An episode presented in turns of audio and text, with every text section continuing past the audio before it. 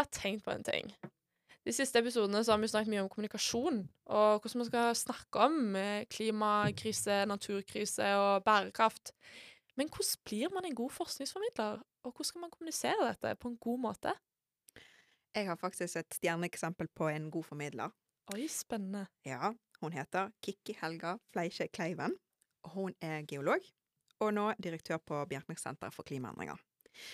Men for meg så vil hun alltid være en sånn stjerne på formidlingshimmel. hun er så Gøy. veldig god, knallgod på å formidle vanskelige og kompliserte problemstillinger knyttet til Mm. klimaendringer. Mm. Hun har eh, mottatt flere formidlingspriser, og i fjor holdt Kikki Årebåt sin minneforelesning om 4,5 milliarder med klimahistorie på 200 minutter. Hvis ikke det er et eksempel på god befolkningsformidling, så vet ikke jeg. I denne episoden her så ønsker jeg at vi skal snakke litt om eh, hvordan man blir en god forskningsformidler. Mm. Men ikke bare forskere som kan bli gode på formidling. Meg og det kan bli bedre på formidling. Alle som har en stemme og en mening om klimaendringer, kan bli gode på formidling. Det er i hvert fall min sånn kampsak. Mm. Og jeg tenker alle kan bli gode på å få ut sin, sitt budskap i mediene, og det skal vi snakke mye med Kiki om. Mm. Jeg tenker at hennes formidlingsevne og måte hun snakker om disse vanskelige temaene på, har gjort at hun har fått disse prisene, men også at hun er så mottakelig for å f.eks. komme her og prate med oss på en fredag ettermiddag. Det er så gøy! Det er kjempegøy. Og hun er jo veldig opptatt dame. Hun Mm. driver jo tross alt, hun leder jo 200, over 200 forskere på Bjerknessenteret, men likevel tar seg tid til å formidle. Hun er med på konferanser. Hun er veldig opptatt av å formidle budskapet sitt og snakke med studenter. Og det tenker jeg er kjempeviktig at vi ønsker henne velkommen og takker henne for. Mm. Så hva tenker du, skal vi eh, snakke med Kikki og få høre om hennes eh, beste og verste formidlingsopplevelser? Ja, dette gleder jeg meg til. Dette blir kult. Jeg gleder meg masse. Hei, hei. Hei sann. I dag har vi fått med oss Kikki Kleiven her. Ehm, jeg tenker vi kan begynne med en liten introduksjon. Fortell oss litt om deg. Jo, tusen takk. Kjempekjekt å være med dere her i studio. Som sagt, Kikki Kleiven jeg er nå direktør på Bjerknessenteret for klimaforskning. Jeg begynte på den jobben i august. Stor, spennende jobb. Så sjef for 296 klimaforskere i Bergen. Det er jo ganske kult. Det er stilig. Um, men eh, jeg kommer fra UiB, kommer fra en stilling som førsteamanuensis på Institutt for geovitenskap. Jeg er utdannet geolog, har tatt hovedfaget mitt, det som nå i dag heter mastergrad, på Universitetet i Bergen. Så føk jeg vekk fra byen litt, og var litt i USA og England, tok doktorgrad. Så bodde jeg i USA i mange år. Traff mannen min der. Mm. og så kom jeg tilbake til Bergen når Bjerknessenteret ble startet i 2003. Eh, og så har jeg vært her og hatt forskjellige jobber. Det er jo ikke lett å få fast jobb. Mm. Så jeg var mange år eh, og hadde postdoc, altså den, den stillingen som du får etter en doktorgrad. Mm. Og så har jeg et forskerstilling, eh, vi kalte det sånn kvinner på randen. I, i UB sin randsone. Eller vi gikk på løse midler. Eh, det at vi går da om å, om å skaffe våre egne midler. Mm. Men så klarte jeg å få meg en fast jobb på instituttet. Og um, akkurat nå så underviser jeg ikke så mye. Jeg veileder litt ennå. Mm. Masterstudenter og doktorstudenter. Men eh, stort sett så får jeg jo drive på med det som jeg elsker aller mest. Mm. Nemlig å jobbe for klimaforskning. Åh, så gøy. Dette Du- har vi gledet oss utrolig mye til. Eh, vi har jo selvfølgelig altfor mange spørsmål, men vi må jo bare begynne et sted. Mm. Em, jeg tenker at uh, det mest naturlige å begynne med er hva som er forskjellen nå med den stillingen du hadde før, og nå som du er direktør. Hva, hvordan, eh, hvordan skiller de seg fra hverandre? Ja, jeg har jo, altså I kontrakten min nå så er jo det at jeg skal representere Bjerknessenteret. Så jeg Mm. skal jo representere og fremme den forskningen. Eh, når du er på et institutt, så er du da liksom 50% av tiden din så skal du undervise og veilede. Og den andre 50 av tiden så skal du drive med forskning. Um, og nå får jeg jo liksom har jeg sånn fri lisens til å drive med det som jeg liker aller best, som er faktisk klimaformidling. Um, og det er også å jobbe for at nye stemmer skal komme frem uh, og vise klimaforskningen. Så ganske enkelt så Bjerknessenteret er jo et naturfaglig, naturfaglig klimaforskningssenter. Mm. Men jeg jobber for å sørge for at den forskningen som vi produserer der, den kan omsettes. Sånn at den kommer i hendene på folk som kan ta ganske kloke beslutninger. Beslutninger som begynner å haste ganske mye med. Um, slik at vi klarer å kutte utslippene, og slik at vi får et godt og bærekraftig samfunn. Det er Mm. faktisk jobben min. Det er litt sånn stort ansvar, uh, men uh, utrolig spennende å få jobbe med de uh, Vi er jo 31 nasjoner på Bjerknessenteret. Såpass. Wow. er spennende. Ja, det er kjempespennende. Vi kommer jo selvfølgelig til å snakke veldig mye om eh, forskningsformidling, for det er jo noe jeg brenner veldig sterkt for. Eller vi Mm. brenner alle tre damene her hvordan eh, jobber du som direktør på Bjørnnes senter for å fremme en kultur der det er greit og godkjent og ikke minst eh, positivt å drive med formidling? Ja, det var veldig heldig, for når Bjerknessenteret begynte, eh, begynte så det som heter for Senter for fremragende forskning, og var det i ti år. Og så nå har vi fast støtte fra, fra Kunnskapsdepartementet. Men uh, allerede fra dag én så bestemte eh, de som ledet Bjerknessenteret den gangen, at dette skal være et sted hvor vi driver klimaformidling. Mm. Ble ansatt kommunikasjonsfolk, ble ansatt journalist, uh, og vi begynte kursing med en gang. Og så var det lov til å stikke hodet frem. Og det er litt viktig til å si i en tid hvor du gjerne leser at den største grunnen til at veldig mange unge ikke driver med forskningsformidling, det er faktisk hva kollegaene gjør mot dem. Mm. Sant? Dumme kommentarer, litt trakassering, hetsing. Eller at du er redd for å stikke hodet frem, at det kan kanskje påvirke at du ikke får en doktorstilling eller en postdoc-stilling. For, for sånn er det. Vi skal ikke stikke under en stol at det, hverdagen kan være litt tøff. Men på Bjerknessenteret så, så laget vi et miljø hvor det var helt OK noen ganger til å få en litt dum overskrift. Eller det var OK til å stutre og stotre litt på et, på et svar der du fikk liksom mikrofonen stukket opp i ansiktet live. Vi hadde masse kursing, og det er også kjempeviktig. Så vi hadde journalister fra NRK som kom opp og gjorde litt sånn Nå skal vi late som dere er rett på radio. Dere har 1 minutt og 20 sekunder til å svare på tre spørsmål. Eh, og så øvde vi på det. Og det er en utrolig sånn øvingsfase. Det det der um, i, I dag så bruker jeg det litt når jeg skal ha kurs med, med andre. Det der du går inn i heisen, og så inn i heisen med deg, så kommer verdens mest berømte klimaforsker. Mm. Og hun har du utrolig lyst til å snakke med, og så hun har du utrolig skal vite nøyaktig hva du gjør. Mm. Og så vet du at den heisturen den tar liksom 1 minutt og 30 sekunder. Hva gjør du? Hvordan svarer du? Så det, så det er litt det der å det der å bygge en kultur for at vi, vi jobbet med At noen liker å skrive. OK, da, da dyrker vi det og hjelper folk. Jeg har skrevet et innlegg i krono.no, kan du lese gjennom det? Mm. Sant? Altså, for ikke lenge siden altså, jeg, jeg får veldig masse e-poster. 'Kiki, kan du se gjennom powerpointen min?' Mm. Eh, ser det OK ut, dette? Eh, vi skal ha en klimafestival i aulaen. OK, vi sitter oss ned og går gjennom det. Vi, vi gjør det trygt. Vi gjør det Dette skal være hyggelig. Mm. Um, og det tar tid. Men det betyr jo det at de som har vært gjennom altså, så Jeg var jo gjennom dette som en ung masterstudent og senere doktorstudent selv. Så gir det deg utrolig trygghet å vite det at du har alltid noen du kan gå til og spørre om hjelp. Mm. Altså, vi sier ikke nei. Um, I dag så har vi jo tre stillinger på kommunikasjon. Og ofte når vi skal gjøre store ting, så setter vi oss ned og har en virkelig dugnad. Mm. Lager powerpointene sammen. Uh, folk står og snakker og på si, uh, snakker gjennom det de skal gjøre, og får kommentar på språk. Mm. Men både i skriving og det der at folk ja, Hvis noen har lyst til å hive seg ut på i Twitter eller sosiale medier, støtte de, retwitte de, eller introdusere de i sosiale medier. Sånn. Her er en ny stemme du må følge. Sant? Katt og Katrine, følg podkasten.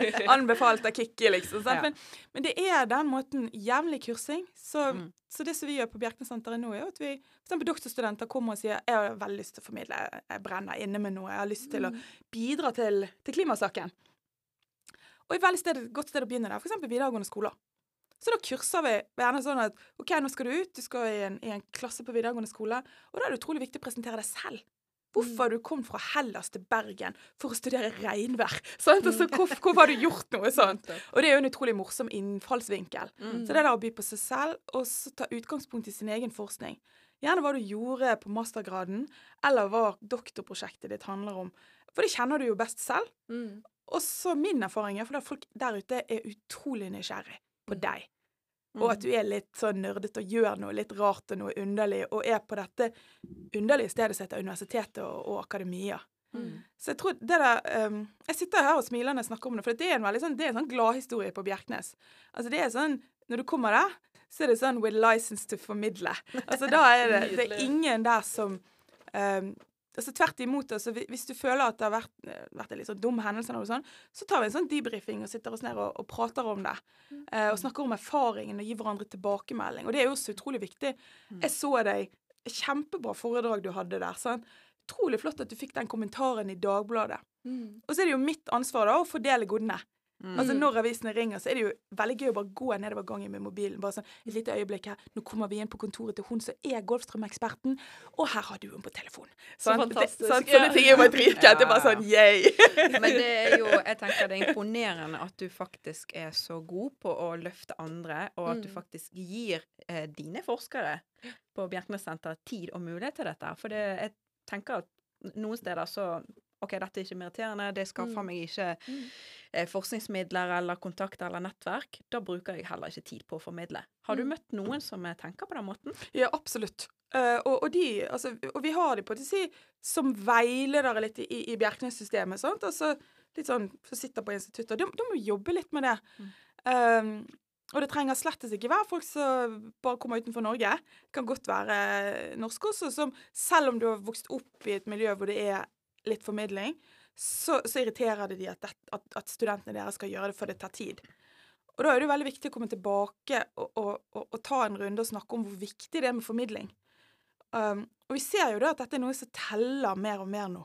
Det er ikke tvil om det. Jeg mener det er, liksom det, det er en av liksom de tre viktige stolpene på Universitetet i Bergen. Mm. Du har forskning, du har formidling, og så syns du du har veiledning. Mm. Nei, unnskyld, formidling, forskning og undervisning. Mm. Uh, og det, det er helt Jeg syns de skal være likestilte, altså. Um, Mm. Fordi at det er jo ganske enkelt sånn Hvis studenten din har funnet på noe spennende, og hvis, og hvis, hvis han eller hun får lov til å bli intervjuet på det i media, så har jo forskningen plutselig en helt annen betydning. Mm. Da er den jo der ute. Folk kan bry seg om den, folk kan sette seg inn i det, folk kan ha en Mm. mening om det. Mm. Jeg tenker liksom, Hvis du, hvis du ikke gjør det, så tenker jeg hva, hva What's in it da? Altså, Hva er det med forskningen der? Så jeg tenker, Det der å prøve å få disse produktene ut Mm. Jeg tenker jo sånn Det høres ut som en sånn BI-dame. Men jeg tenker at forskningen er jo på en måte Vi får penger fra samfunnet. Mm. For å si det ganske enkelt. Hva får samfunnet igjen av oss? Jo, de får gode kandidater. Men de må jo også få gode historier. For det er jo utrolig masse gode historier i forskning. Og hvis vi ikke får de ut, så går jo samfunnet glipp av de. Og jeg, Mm. jeg merker det at gjerne når du treffer polit eller beslutningstakere, lokalpolitikere, så er de litt opptatt av sine lokale historier. Altså hvis det er en som forsker på at, at Hardangerjøkull smelter, og det påvirker, eh, vil påvirke kraftsituasjonen i Odda eller Eidfjord, så er det jo kjempeaktuelt at de får treffe denne unge forskeren, forskeren som kan noe om det. Mm. Så plutselig så får de et annet syn på noe som er rett utenfor døren deres, så de kanskje ser hver dag, men nå har de lært noe nytt om det. Mm. Og kanskje gjør, det gjør at de tenker annerledes når de skal bestemme seg hvor skal veien gå, Mm. hvordan skal vi bygge, hva skal vi ta vare på i en kommune. Så jeg tenker, i en sånn litt storskala, så er den forskningsformidlingen, det der å omsette kunnskapen sånn at den kan brukes, Mm. det er kanskje det aller viktigste vi gjør. Og det, jeg må jo si det var litt gøy. Nå har vi fått en ny, ny forsknings- og utdanningsminister. Nå er, skyter jo han fra hoften og gjør mye. Eh, og det skal han få lov til. Men eh, han var veldig tydelig ute og sa det at formidling, det er noe av det som er aller viktigst. Mm. Og det tenker jeg det er utrolig viktig at lederne For hvis ikke vi lederne sant? Nå har jeg jo fått meg en sånn taburett, det noe. Stol. Sant? Og jeg får lov til å mene, jeg får lov til å si noe. Eh, formidling det må forankres i ledelsen. Det er jo Mm. det er vi som må gjøre gi plass til det, Mm. og gjøre det mulig. Og så dyrke det fram også. Ja. Og ta det litt ned på jorda. Jeg syns det er veldig fint det du sier. Å få liksom alle i samfunnet rundt til å forstå det, nøyaktigheten av det, og bare formidle det på en veldig konkret og fin måte. Og så Det- tror jeg veldig mange syns at altså, det der når du har skrevet en masteroppgave, yeah. sånn, så du gjerne skrevet en inn, sånn abstract, altså en innledning, Mm. sammendrag, da. Mm. Det er jo en utro... Det, det må jo ut. Absolutt. Sant? Ja. Absolutt. Dette her er ah, Jeg merker at vi kunne snakkes i timevis, for det, Mm. vi er jo veldig enige, Kikki. Jeg er jo også veldig tilhenger at eh, forskning skal få mer plass, og at man skal eh, løfte frem de gode historiene, og ikke minst de nære historiene. Altså hvordan eh, hva vil skje med denne type eh, klimaendringen i, i, i lokalsamfunnet? Men hvordan blir det mottatt? Jeg vet jo at du har holdt mye foredrag rundt omkring i bibliotekene. Hvordan får du de som kanskje ikke tror på at dette er menneskeskapt, hvordan får du med de som um, ikke nødvendigvis tenker at ja, ja, men vi har jo alltid hatt vær, hvorfor er det så annerledes nå? Hva, altså, vi vet jo, alle vi Mm. vet jo hva forskningen sier, men du møter jo gjerne de stemmene også som tenker at dette er nå bare tull. Vi har jo alltid hatt vær i Norge, hvorfor er det annerledes nå? Ja, absolutt. Jeg møter det hele tiden. eh, og, sant? Så du kan jo med, med fare for å gjenta seg selv. Men um, noen ganger er jeg litt heldig fordi jeg er geolog. I og Mm. med at jeg har studert klima på liksom, i millioner av år tilbake i tid. Sant? Hvor, hvor vi vet liksom hva som er den naturlige klimavariasjonen. Og der har jo folk mange, mange kunnskap. Sant? Dinosaurene, der var det varmt. Eh, og så har det vært istider. Dette, dette er noe som folk vet om. Så jeg tar utgangspunkt i gjerne ofte det at istedenfor å gå rett i, i strupen på folk så, så, og si at dette er litt sånn myter, Mm. eh, så begynner vi heller å snakke om det. Jeg begynner heller å snakke om den gangen klimaet var annerledes. Norge under istiden, Norge forrige gang det var mye varmere enn i dag. Men hvorfor var det sånn? Mm. Altså, du begynner Du tar liksom litt sånn Tyren ved hornen, er det det vi sier? Ja. Mm. Altså, altså ta, jeg vet at disse historiene kommer, så jeg tar de med en gang. Mm. Uh, sier ofte gjerne det at noen av mine aller beste klimajenter som har tatt mastergrad hos meg, de jobber faktisk i Equinor. Det er jeg stolt over. Mm. At mange av de nå er også med på Equinor sin fornybarsatsing. OK, da har vi tatt én til brodd vekk. Mm. Men jeg tror det er så viktig når jeg drar ut, og det har jeg vært veldig bevisst på helt fra dag én, det er å snakke jo med folk, ikke til folk. Så hvis jeg drar til Radøy, for eksempel, og skal snakke med folk der på sånn ettermiddag klokken sju på biblioteket med kaffe og kringle, klimadama kommer fra UiB og skal snakke om klima, så er det veldig viktig. Begynner jeg gjerne å spørre om folk har sett hva som har observert ting som har skjedd i, i Radøy. Eh, har sesongene endret seg? Eh, er, det, er det noe de ikke gjør i dag som de gjorde for 30 år siden, hvis de tenker på gamle svart og hvitt-bilder i, eh, i fotoalbumene? Mm. Eh, og gjerne spør om det er flere generasjoner til stede. En gang så hadde jeg tre generasjoner til stede. Og da var det jo oldefaren som virkelig kunne fortelle hvor mye annerledes det var. Sant? Om isfiskefestival på fjorden som ikke var lenger, og om at nå eh, hva det heter, Kristoren på Radøy, den setter røde bær, det gjorde ikke han før. Altså, Veldig mange sånne ting som, som skjer i naturen. Hvor mye tidligere de slipper små sauene på beite, det ene med det andre. Så plutselig så har vi en hel debatt om at veldig mange egentlig har drevet med folkeforskning uten at de vet det, og observert enormt mye. Mm. Så kan vi begynne å snakke om ja, Vet dere egentlig hva som har skjedd med regnet i Radøy? Sant? Det regner 20% mer nå, havnivået har steget sånn og sånn. Ja, skal vi begynne å snakke om hvorfor det er sånn? Altså, du, du tar de egentlig med på en reise der folk får eierskap til sitt regn, sin temperatur, sin klima, sine sesongendringer. Mm. Um, og da, da er det mye enklere å snakke om hva skal da Radøy gjøre for at det ikke skal bli verre? Mm. Altså hvis den, sant, Du har tre generasjoner. Hvordan skal ditt barnebarn drive gården? Hvordan skal de gjøre dette i et varmere klima? Hva, hvilke utfordringer er vi har? Og da har jeg ofte oppdaget det at kommunene gjør jo veldig masse gode ting. Altså lokalmiljøet. Det er veldig mange Veldig mange som sa det at f.eks. strandrydding her på Vestlandet. Mm. Det har vært en sånn barriere. Når de kom i gang med det, så tenkte jeg nå har vi ryddet alle strendene våre. Nå er vi jo klar for det neste. Nettopp. Mm. Sant? Altså, så det er en veldig, er veldig Så, så jeg hører det er veldig optimist, jeg er veldig positiv når jeg drar rundt sånn. Mm. Jeg har faktisk bare ett dårlig minne fra et sånt kommunebesøk. Jeg får høre. Mm. jeg skal ikke oute kommunen. Nei, nei, men jeg, ligger, jeg ligger langt, langt inne i en fjord, da. Okay, Ja. Um, og da, da var det litt mørkere. Det er sånn Solen er litt vekke der noen ganger på Mm. året. Um, og det var litt sånn tung materie. da. Det var litt sånn, veldig mange litt sånn eldre menn som var veldig skeptiske. Sånn, Kutt strømkabler, skal ikke ha strømkabler til utlandet, kraften er vår. Mm. Liksom litt sånn Mm. var ikke vits, det var bare plante litt skog, så gikk alt over. Mm. Ja. Og så kan jeg huske at helt, helt på slutten da, så, så pakket vi sammen. Jeg dro sammen med en kompis, og jeg bare Huff, dette dette ble en lang vei hjem. Dette var tungt i dag. Det var ikke noe sånn hyggelig. For vi pleide å slutte med sånn Hva skal Odda bidra med, liksom? Hva skal Radøy bidra med? Hva skal den og den bidra med? Sant? Og så Mm. helt på slutten så kom det en hyggelig mann bort med, meg, en eldre mann. Så smilte han. Jeg tenkte å, så hyggelig. Skal han si noe hyggelig til meg? Så jeg liksom så opp på han, og så så han meg inn, og så sa han jeg tror ikke på ett jævla ord av det dritet du sier. Oi, oi, meg. Og så gikk han. Og så viste det seg senere at det var læreren på den videregående skolen. Såpass. Uff. Ja, det er sterkt. Og det, det tenker jeg liksom sånn Huff. Ja. Den, den var, Ja. den var, sånn det har jeg aldri opplevd før. Altså sånn Mm. midt i ansiktet. Mm. Altså sånn virkelig sånn Mm. at Og så er det liksom den feigheten at han ikke ville ta debatten, Mm. vil ikke si noe offentlig. Han skulle bare komme etterpå bare sånn Ta meg. Nettopp. Ja. Og da har jo du brukt tid å på en måte, ta det litt ned på jorda òg, og forklare det på en konsis måte. Og Ja. forklart all den forskningen som Ja, ja. finnes. Og det er liksom, hvert eneste foredrag var jo laget Ja. for hver kommune, sant? eller hvert bibliotek. da. Wow. Så vi laget jo som hver gang liksom tok Mm. der vi dro på veldig på alvor. da. Mm. Så jeg kan huske jeg var veldig sånn åh, jeg, jeg husker jeg ble sånn både sint og litt redd, liksom, Mm. på en gang. Mm. Ja. Men det var jo eh, også godt å høre at det var bare den ene gangen du har opplevd sånn virkelig sånn ubehagelig tilbakemelding. Mm. Ja. ja. Du var så vidt innom dette her eh, i sted, at eh, du får inntrykk av at folk er mer opptatt, og de har lyst til å ta den debatten, og de forstår mer av forskningen. Men det er fortsatt en del klimaskepsis der ute. Eh, Det er fortsatt en del klimafornektere. Hva tenker du, hvordan bør vi tilnærme oss de stemmene? Altså Nå snakker du at vi må, vi må snakke til folk. Nei, med folk, og ikke til folk. Mm. Hva, hva skal vi gjøre med For det er noe jeg har eh, drevet og vridd hodet mitt også. For jeg er jo sånn Er vi ikke ferdig med den debatten nå? Kan vi ikke bare la den ligge? Jeg orker Mm. ikke å ta det frem igjen.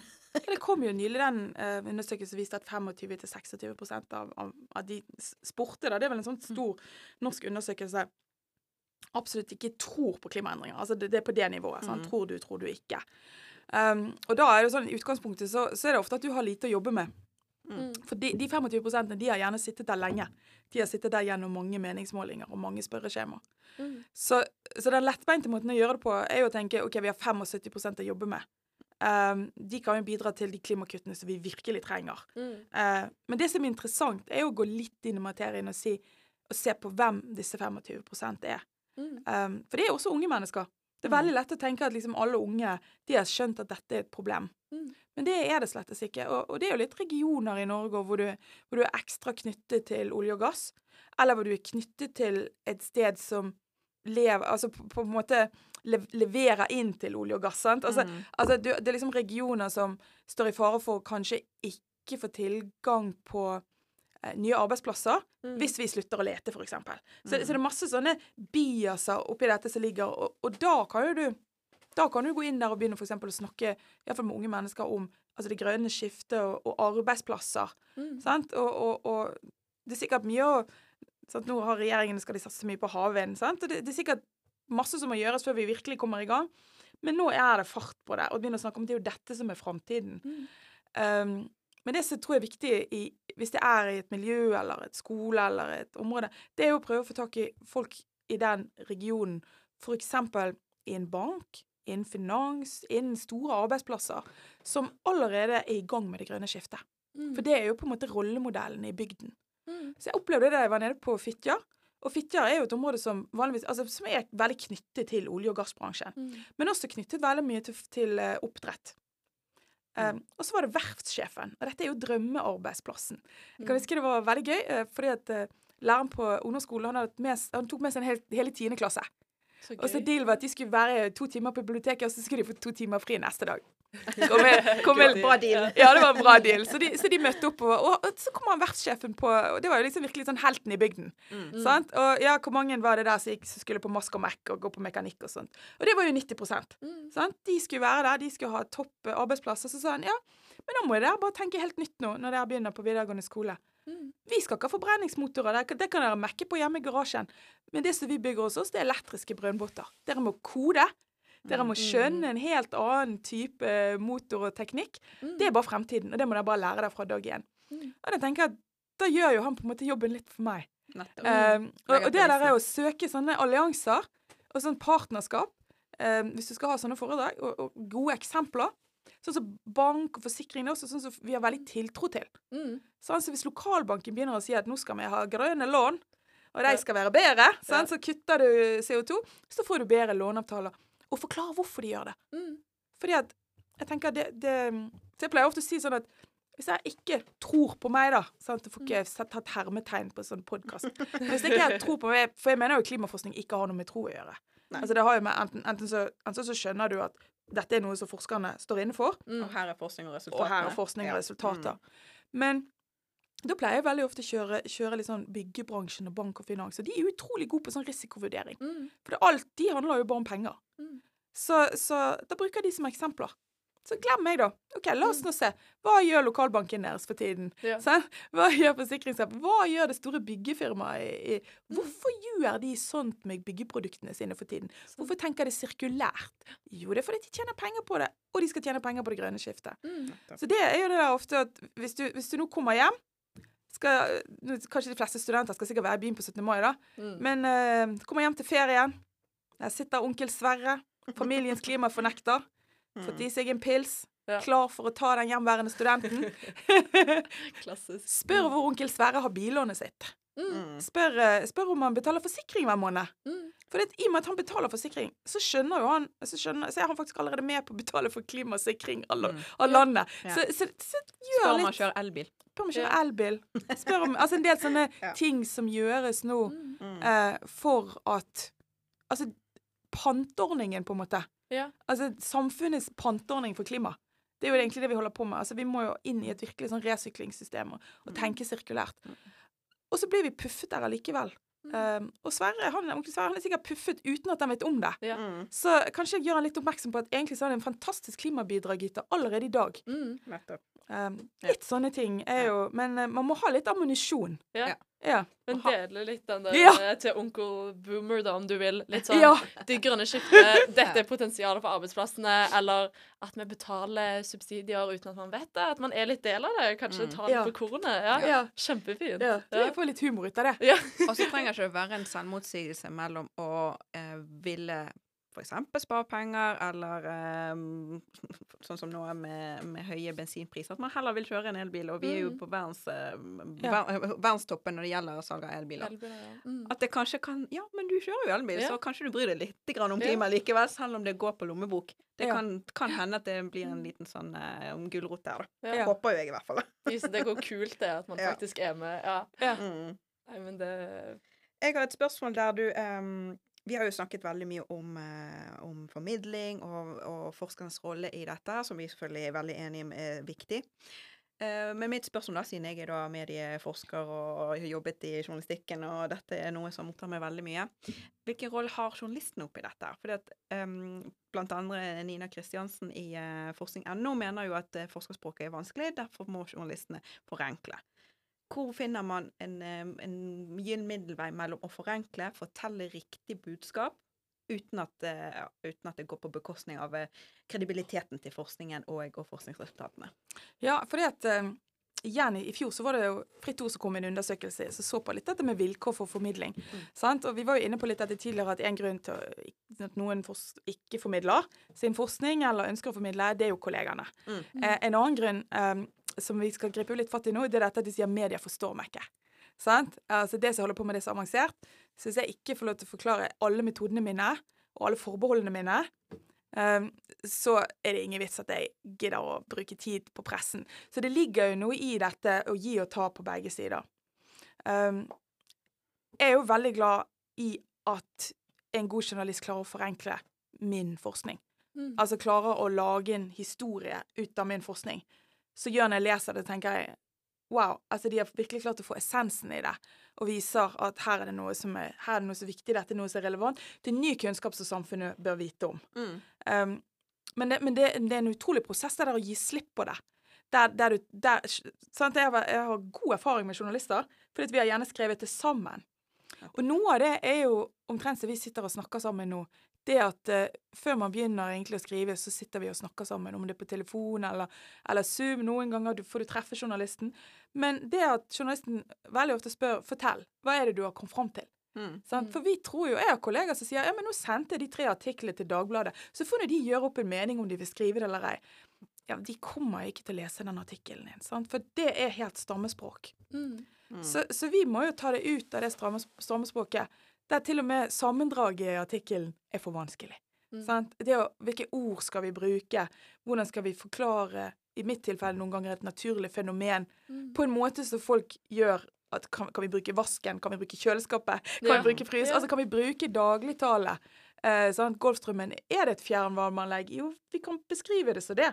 Veldig mange har et forhold til hva fjernvarme er for noe etter hvert. Mm. Så, så, så det der er jo både gi og ta. For noen ganger så får du jo anledning, spesielt i de litt store avisene, sånn, sånn Aftenposten, for eksempel bestemmer seg for at nå kjører vi to sider om denne Goldstrøm-artikkelen. Mm.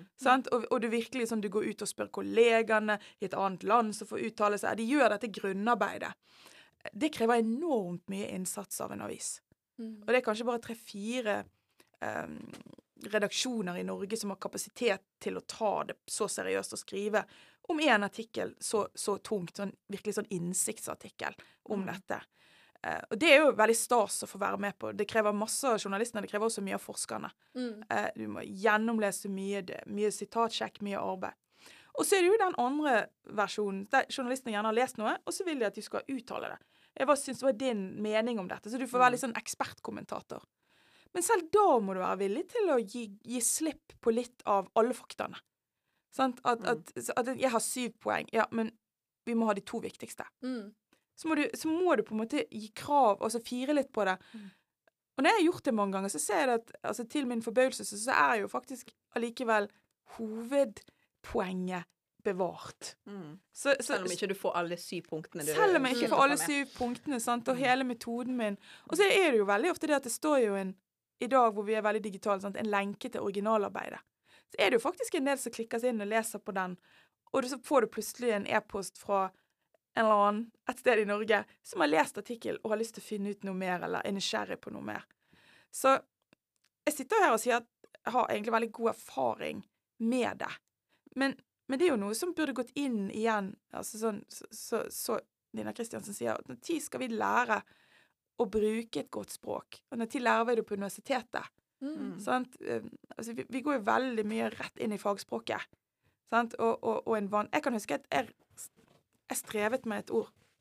Jeg husker jeg ble invitert til å undervise på Bergen Summer Research School. Og jeg er jo en ekte naturviter. Så satt de og så begynte de å snakke om sånn postcolonial. Postkolonial. Jeg bare Hva i alle dager er postkolonial? Så dette er jo lenge siden. Men for, for meg, jeg måtte virkelig sånn eh, gå ut på gangen og google litt Ja. for å være med på debatten. sant? Men altså, det, det, og da kan du tenke deg hvis, hvis sant? Og jeg er jo litt, har litt utdannelse og burde vite bedre. Uh, men de sier jo hva jeg har vært skjermet fra, fra Ja, ja, på ja. matnatt. Men, uh, men jeg, jeg tror du er, du er innom et eh, veldig viktig punkt der, fordi Mm. at jeg tenker jo at kanskje man allerede fra bachelorgrad burde vite litt mer om hvordan forskningsformidling foregår. Hvordan, Mm. eh, hva, hva er forskningskommunikasjon? Hvordan fungerer mediene? Mm. Det kommer kanskje for seint når vi allerede er på mastergrad, til og med Mm. på ph.d. Ja. eller doktorgrad. Mm. At man da begynner med forskningsformidling, at det er tre poeng eh, i, i, i, i forsknings- eller stipendiatstillingen. Ja, det er for sent, fordi at det der, altså Vi har jo ikke noe sånn på norsk skole så mye sånn show and tell. sant? I dag skal, i dag skal Katt få lov til å ta med noe spennende, så skal hun få stå på stolen sin og fortelle det i klasserommet. Mm. sånn, Altså, og det er jo kulturer eh, på andre siden av Atlanteren så gjør det veldig mye. Um, og, og, det, og det merket jo det første gang jeg var på konferanse som student, hvordan um, en del forskere, spesielt unge forskere fra USA, var utrolig flinke f.eks. hvis de hadde vist plakater på en, på en forskerkonferanse. Ja. Da har du en sånn poster på veggen. Mm. Mm. Eh, hvordan de, de brukte jo ikke tiden på metoder og innledninger. Sant? De bare gikk rett på de. Mm. I got a story to share with you. Jeg tenkte himmel og hav. De der amerikanerne står der og selger Ja. forskningen sin. Men, men du kan jo tenke deg hvis vi hadde begynt på grunnkurset mye mer, altså på geologi sånn. I dag skal dere reise der, dere skal muntlig presentere. Skriv et sammendrag. Essay. Hvorfor er det liksom noe som er så utrolig vanskelig? Hvorfor skal det være så vanskelig å skrive sånne små sammendrag som du får tilbakemelding på? Mm. Eh, det lurer jeg litt på. da. Ja, ja, Jeg syns jo det er veldig gøy selv. Når jeg underviser, syr og jeg om masse kurs til bare sånn muntlig presentasjon. Eh, nå, skal du skrive, nå skal du skrive essay, og nå skal du Ja. Vi hadde rollespill òg. Det var dri... Jeg elsker rollespill. Gøy. Så vi hadde yeah. rollespill. Vi fikk karakter for rollespill. Yay! Nei, men altså, sånne ting Ja, ja, Du kan jo ha det gøy, da. Ja. Eh, og jeg er vel kanskje litt over snitt glad i sånne ting. Det høres, Ja. jeg, jeg, jeg hører Ja. at jeg må, jeg må ta et kurs med kicking. Ja, jeg skjønner det trengs. Katrine, du må ta med deg i show til Kystlinjen og, og snakke om det. Ja. Ja. Jeg kjenner jo òg at sånn språk og snakke om liksom det å snakke sånn forfaglig og få liksom med den graden fra matnatt og bachelor òg, sånn som du sier, og kommunisere sammen, og, men gjøre det så lett som mulig. At du ikke står der og er veldig sånn høy på en pedestal og kan pushe ut med ord her og der. Men at vi Mm. kanskje skal møtes litt på midten og snakke tverrfaglig, sånn som vi også gjør. Snakker mye om i stiftelsen òg. Men eh, at vi får liksom kommunikasjon fra du som kan eh, så mye om ditt fagfelt, men at du òg klarer å ha muligheten til å formidle dette liksom på en sånn Det er ikke vanskeligere enn dette. Det er mye mekanismer bak, men du klarer å presentere det på med to viktige poeng istedenfor alle de. Det tror jeg må mer til i utdanningen. Jeg er enig i. Jeg forteller en eh, historie veldig kjapt. Ja. Eh, Det var på, på. jeg var jo formidlet mye og dro rundt med Siri Kalvik, tidligere Ja. værdame, nå leder for Nysnø, ja. eh, det store fondet. sant? Topp karriere, artig dame. Og dette her med altså, drivhuseffekten, sant? det kan jo du forklare med ligninger. Du kan Mm. forklare det med enormt mange vanskelige fysiske ord. Mhm. Og det bruker vi ofte i, i, for- på formidlingskurs. Ja. Forklar veldig enkelt drivhuseffekten. Ja. Og det går som oftest skikkelig ille. Mm. Eh, så da må vi jo ta det ned, sant? for det blir jo veldig vanskelig. Og så bruker jeg Jeg skal ikke, ikke ta Stavanger-dialekten, for det er litt vanskelig. Men jeg var jo på turné med henne, og hun snakket om drivhuseffekten. Dette at liksom, Tenk at sol varmer opp jorden. Og Mm. du vet, alt som blir varmt, det stråler. Tenk å sitte seg ned på en sånn stein litt utpå ettermiddagen en sommerdag og så kjenne varmen. Og alle som er forelsket, de stråler. sant? Og, så, og det gjør jorden, og den stråler ut i verdensrommet. sant? Og det er et fantastisk bilde. sant? Hun snakket om, Istedenfor liksom atmosfæren, så snakket hun om lufthavet. Lufthavet rundt jorden. Så jeg merker jeg bruker sånne ord, og folk skjønner å ja, vi har et hav rundt jorden, men det har luft. Mm. Så sånne ord tror jeg er utrolig viktig. Finne sånne gode ord og Mm. gode beskrivelser. Og så er du trygg på de, og så bruker du de. Mm. Så det, det er sånn som jeg oppfordrer alle til. Hvis du skal forklare dra hjem nå til onkel Sverre, da, og så skal Ja. du forklare hva du, hva du studerer i Bergen, hvilke kurs du har tatt. Ja. Prøv å lage en sånn god historie. Det, er sånn, det gjorde vi på laben, eller det gjorde vi på diskusjonsgruppen. Mm. Hvorfor gjør vi dette? Litt sånn, litt sånn Ja. artig historie fra faget. For det er jo en veldig gøy innfallsvinkel. Ja, Mm, absolutt. Ja, det er det. Stakkars uh, onkel Sverre, han får gjennomgå. det. Uff, ja. Kanskje av og til litt Ja. velfortjent. Um, det du sier her om um, forskjellige fagfelt har forskjellig stammespråk, det er jo bare noe vi må erkjenne. Altså, du snakker Mm. om ting som jeg ikke forstår. Jeg kan Mm. snakke om ting du ikke forstår, forstår, og så kan det bli misforståelser. Og Mm.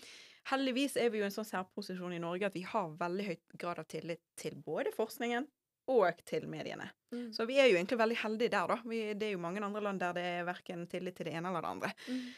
Så hvordan kan vi utnytte det på at det blir en god dialog forskere imellom? Altså nå er jo du en kanskje en sånn unik, eh, god forskningsformidler. God gode dialog, dialog med, med journalister. Men det er jo noen som har dårlig erfaring og tenker nei, det orker jeg ikke igjen. Eh, jeg ble feilsitert. Eh, hovedpoenget i artikkelen min ble tatt bort. Eh, det ble bare misforståelser. Mm. Hvordan klarer vi å få en sånn bedre sånn dialog, da? Nei, noen ganger så, så tror jeg at folk må gå litt til seg selv og tenke litt sånn, sånn var, var det jeg som la merke til det, eller var det de på nabokontoret som la merke til det og kommenterte det? sånn? Så vi må ha en liten sånn runde med oss selv. Men det som, er um, tøft, det er jo å få bygget opp litt den selvtilliten igjen. Og bygget opp den, den gleden det er faktisk Mm. å, å se at, at forskningen din har betydning. For så enkelt er det. Mm. Em, og, og, og i mitt tilfelle gleden av å se at unge mennesker får lov til å komme frem og snakke om eh, noe som de elsker å jobbe med hver eneste dag Mm. og, og får liksom ekstra giv og, og glede for det. Mm.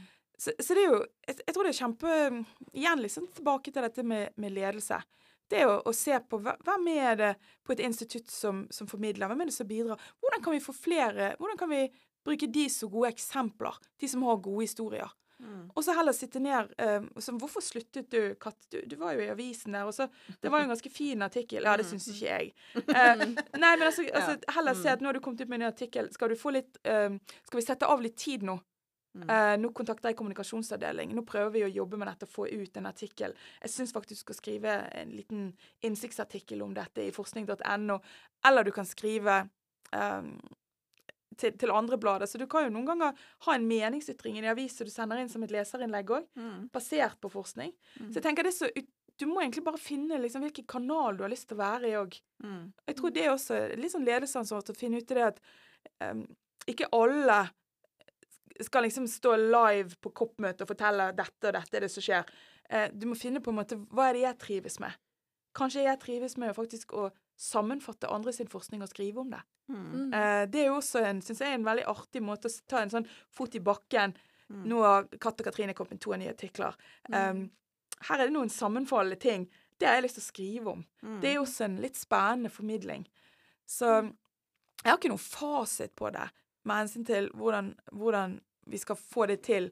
Men jeg tror jo veldig mye på kursing. Jeg har tatt utrolig masse kurs selv, Mm. eh, og jeg gjør det fremdeles. Um, og så må jeg heller ikke stikke under en stol at, at det, det er mye arbeid, Mm. Uh, spesielt med å lage foredrag. Mm. Um, hvert av mine er ferskvare. Jeg har aldri holdt det samme foredraget en gang. Og nå, Det høres rart ut, men noen ganger så tar jeg bare så sjøfler rundt på ting. Sånn at jeg skal få en sånn litt sånn åh.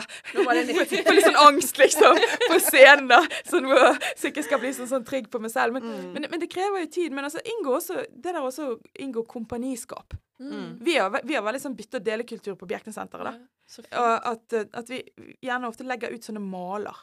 Sant? Her er liksom den gode animasjonen, her er den gode filmen. Mm. All- Istedenfor graf, bruk et bilde. Ja. Sant? Det, sant? Sånne ting. Så, Mm. men det jeg ser jo det at hvis jeg går ti år tilbake i tid, Mm. ser på de foredragene jeg hadde, så var de full i suttekluter, og de var full i sånne trygghetsfotnoter, og masse sånne små Det var utrolig masse. Jeg bruker det noen ganger i formidling. Jeg husker jeg brukte sånn bilde jeg skulle forklare hvordan vulkaner eh, gjør at været, altså klimaet blir litt kaldere. Det var så mye på den ene sliden. Det var abstrakter, og det var bilder, og det var grafer og tekster. I dag så har jeg bare et bilde av et vulkanutbrudd, og så står jeg rolig og forklarer Wow. partiklene oppi atmosfæren, solen som påvirker. For ti år siden jeg var så livredd for å glemme noe. Og tenk om noen skulle si at du fikk ikke tatt Så det var bare sånne nødløsninger og sutteklutter på hele powerpointen. Så før var det PowerPoint suicide, men nå eh, Ja. klarer du deg med et enkelt bilde på en, Ja, eh, på en slide. Så Det ja da, det tar et stund Ja. å komme der også. Mm. Men sånn som det tar tid for oss å bli gode formidlere, så Mm. tar jo det også tid for journalistene å bli gode formidlere. Sant? Vi Mm. har jo i Norge journalister som har jobbet med dette feltet i 10-15-20 år, som er knallgode. Sant? Så Mm. der trenger man jo gjerne ikke den hva skal vi kalle det for opplæringen, da, Mm. av Nei. eh, journalistene. Heldigvis, da. Det stemmer, men de har hatt noen veldig gode altså sånn NRK som virkelig bestemte seg for at nå skal vi virkelig gjøre noe seriøst med klima. Og de har nesten sånn klimamanifest. Sånn, Mm. NRK klima ut til folket, så Mm. folket skal ta gode beslutninger. Mm. Um, og da var jo de med en gang kan dere komme og ha klimakurs for journalistene. Mm. Og da var det jo alle liksom, la, journalistlagene i NRK som, som vi traff. Og jevnlig samtaler med altså lokalavisen her, BT.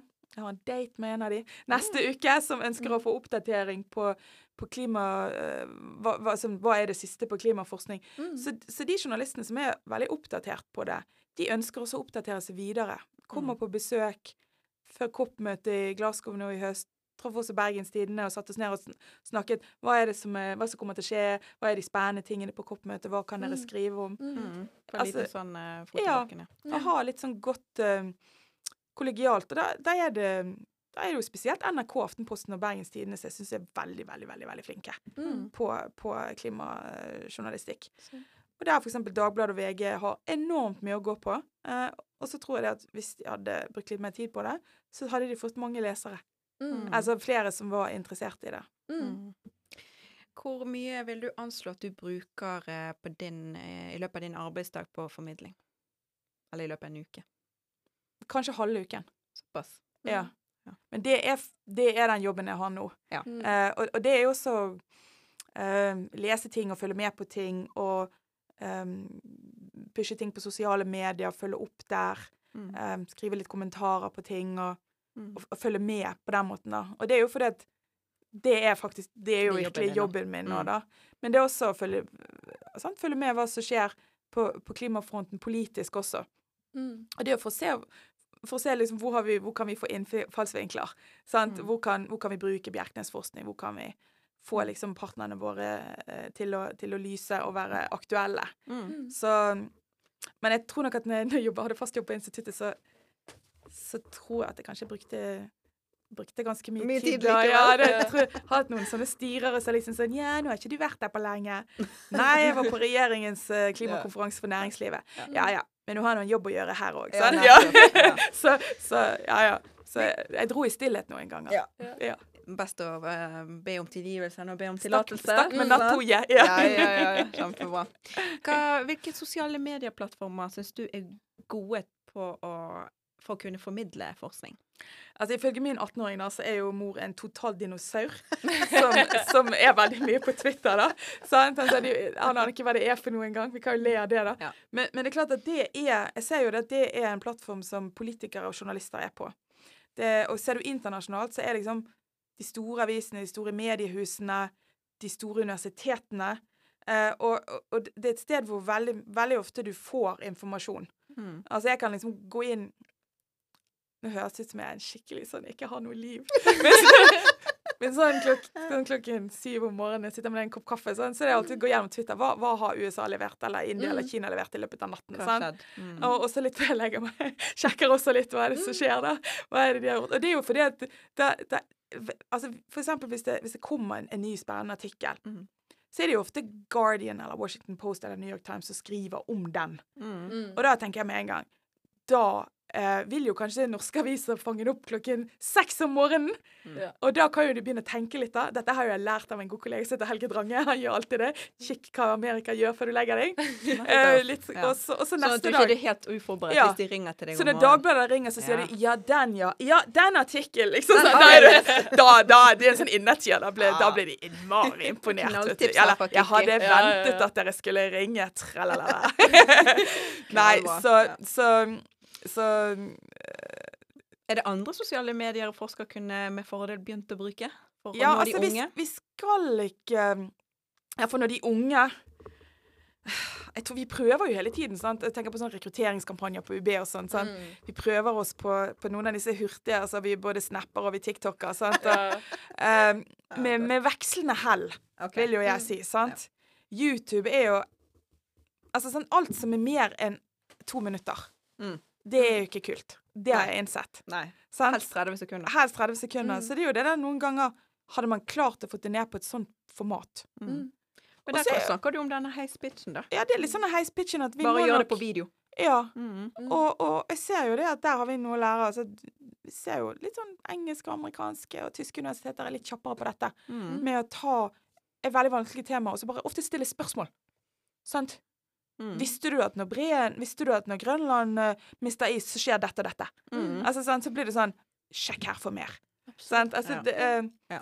Men så, så skal vi Nå sitter vi her og har det hyggelig på en fredag og har podkaster. Mm. Podkast er jo også noe som de unge liker. Mm. Eh, og det har jeg skjønt at det er jo et fantastisk medium. Mm. Vi har jo også en bitte liten sånn Bjerknes-podkast, da. Eh, for det første er det gøy å lage den. Mm. Eh, men så, har jo, så ser vi det at folk eh, virkelig Enkelte de tar helt av. Mm. Da, hvor, hvor du liksom virkelig sånn fenger folket. Mm. Just her var det noe vi ikke visste. Nå vet vi det. Vi det. Um, så jeg tror vi har utrolig mye å gå på der. Mm. Men nå når du er direktør, så kan jo du innføre sosiale medier-kurs for dine eh, forskere. Ja, absolutt. Mm. Katrine, har du noe du har lyst til Yes. å, å stille spørsmål til Kitty om? Ja, du, eh, som student sjøl òg, og som bachelorstudent, så syns jeg det har vært veldig kjekt å få en sånn helhetlig oversikt over hvordan man skal formidle.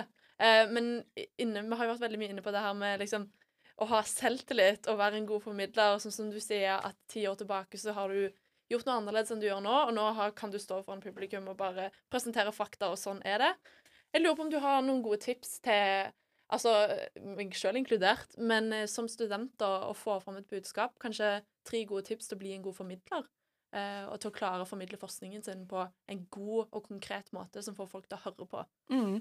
For det første, så, så litt tilbake til det jeg sa tidligere, så Mm. tror jeg det er viktig at det du formidler, er noe som er ditt eget. Mm. Altså virkelig noe som du brenner for. For det er så veldig tydelig. Um, altså Det kan være noe som, som angår hjemstedet ditt, det kan være noe som angår liksom det du opplever som student her i byen. Noe du ser som du har lyst til å gjøre noe med. Mm. eh, og, og ta utgangspunkt i det. Det tror jeg er utrolig viktig. Eh, og så visualisere det.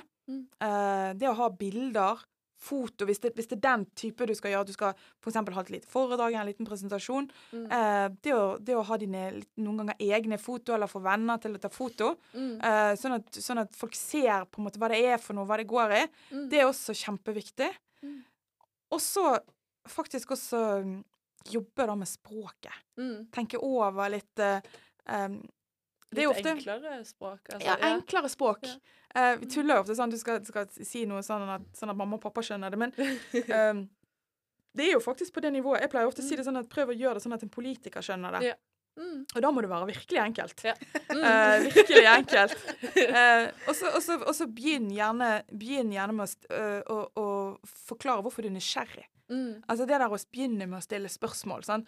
Har, har du noen gang lurt på eh, Vet du hvorfor det er sånn? Ja. Sant? Eh, det ser jeg at er utrolig sånn innfallsvinkel. Mm. Så er det flere som har sittet og lurt på de samme spørsmålene som du har gjort. Mm. Så begynner litt i det små, da. Mm. Um, og jeg er jo sånn som skremmer vann av folk. Jeg holder jo ned formidlingskurs, da. Men jeg er jo sånn som tenker over hva skal jeg ha på meg? Ja, Og det er jo sånn folk liksom, sånn, Spesielt på objekt. Altså, jeg er jo omgitt av naturvitere. Sant? Det er bare Mm. sånn ikke bare gå med det samme du har på deg, da. Ja. Ja, og og det, har, det har litt med det å gjøre at um, jeg bruker litt tid noen ganger. Pleier ofte å komme tidlig. Mm. Si at du f.eks. hadde blitt invitert ned på kvarteret til en studentforening. Mm. Og så skal du ned der, og, og så du, har du fått ti minutter til å snakke om eh, eh, hvorfor det er så spennende å være bachelorstudent, og hvordan bachelorstudent i biologi Det er Lyng du er glad i, sant? Mm. sant? Hvordan Lyngheien eh, var ganske nylig på Det var veldig kult. Eh. Det var faktisk Miljødepartementet og masse sånn som var der, og snakket om hvor viktig lyngheiene var Sant. som en karbonkilde. sant? At vi må Mm. bevare disse lyngheiene. Mm. Så det er jo en historie i seg selv. sant? Lyngheis Lynghei klimaløsning. Der er du. Mm. Um, og da har du flotte Lynghei-bilder. Um, og da kan jo du kle deg litt sånn biologen som skal ut til Mm. Lyngheien og holde Mm. foredrag. Men kom ned da, dra ned på forhånd. Gjør deg kjent med lokalet. Uh, vær sikker på at alt det tekniske fungerer hvis du skal bruke det, eller hvis du skal bruke en whiteboard. Uh, stå på scenen og tenk hvordan ser det ut fra bakerste rad nå når jeg står her oppe. Mm. Ta gjerne med deg en venn eller venninne. Snakk. Hvordan ser jeg ut her oppe?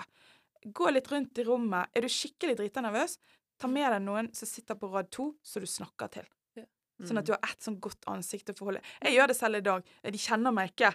Men det er veldig mange som bare snakker til ett menneske nesten i publikum hvis jeg er skikkelig nervøs. Ja. Og det må jeg bare si. Jeg er nervøs nesten hver eneste gang. Deilig å høre. Jeg er skikkelig. Jeg er, skikkelig, jeg er sånn som liksom bare noen ganger kan sitte sånn, fått på mikrofonen, så sier jeg bare Jeg må bare løpe på do nå. Bare nå, altså. Bare glem alt. Og bare sånn Hvor ble det av hun? Hun måtte på do. Ja.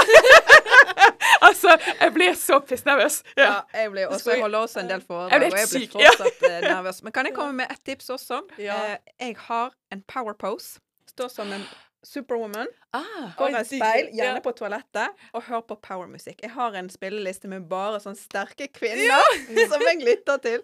En liten sang Ja. før jeg skal på scenen. jeg skal, jeg skal oute Jeg skal oute en ting. Altså, jeg elsker hele mitt liv jeg, altså, jeg er bare sånn tungmetalldame. så, Utrolig bra. så jeg må liksom gjennom Iron Maiden. Yes! Ja, Yes. Og så kjører vi litt Rammstein på slutten. Da er du helt pumped oh, up. Da, Altså. Dette er helt nydelig. Så det, men det verste jeg var med, det beste jeg var med på noen gang, var oppe i Lofoten. Mm. Gikk på scenen, og så uten at jeg visste det, så spilte de Fem fine frøkner idet jeg gikk på scenen. Jeg følte, at jeg, altså jeg følte meg liksom bare to meter høy, full i energi, og bare sånn Nå skal jeg eie Lofoten! dette. eh, Golfstrømmen er en fuktig kvinne! Hun skifter til og med dialekt. ja. Å, så nydelig. Ja, jeg har et spørsmål til deg på slutten, Kikki, her, for jeg vet at du må løpe snart. Er du pessimist eller optimist med tanke på klimaendringer? Jeg er absolutt optimist med tanke på Mm. klimaendringer. Eh, jeg fikk passet påskrevet, det var litt hyggelig, i Tromsø eh, i forgårs. Av klima- og miljøminister Asmund Barth Eide. Det var så hyggelig. Han kom sånn, han var hyggelig til å se deg. Du er alltid optimist når det gjelder klima, og det er så bra. For det er jo viktig å ha klimaløsninger. Ja. Jeg er faktisk optimist når det gjelder klima. Eh, Jeg ble jo ganske spurt nylig om det kommer til å gå til helvete eller ei. Og jeg er veldig tydelig på at det ikke kommer til å gå til helvete. Og det står jeg inne for. Eh, Det kommer til å ta oss litt tid. Mm. Um, det kommer til å koste mer. Det er flere mennesker som kommer til å bli utsatt for klimaendringer. Mm. Flere mennesker som må få tilpasning og hjelp. Men det kommer ikke, vi kommer til å klare å løse det. Jeg er helt sikker på det. Mm. Ja, det var helt nydelig avsluttende ord. Hva sier Ja. du, Katrine? Har du Nei, jeg, eh, dette var kjempeinspirerende Ja, var. Vi kunne jo sittet her hele kvelden. Ja, Ja. så På en fredags ettermiddag så har vi bare storkost oss. Det er veldig kjekt. Men det er godt å høre at det ikke går til helvete, og at vi fortsatt har mulighet. Selv om det kanskje blir litt varmere enn vi skulle ønske at det blir. Mm. Det blir det. Ja. Men tusen takk for at jeg fikk lov til å være med og snakke. Selv takk. Veldig Det hyggelig. Tusen takk for at du kom.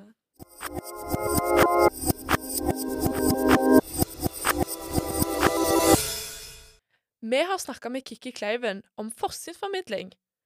Hvordan kan du bli bedre til å formidle ditt budskap?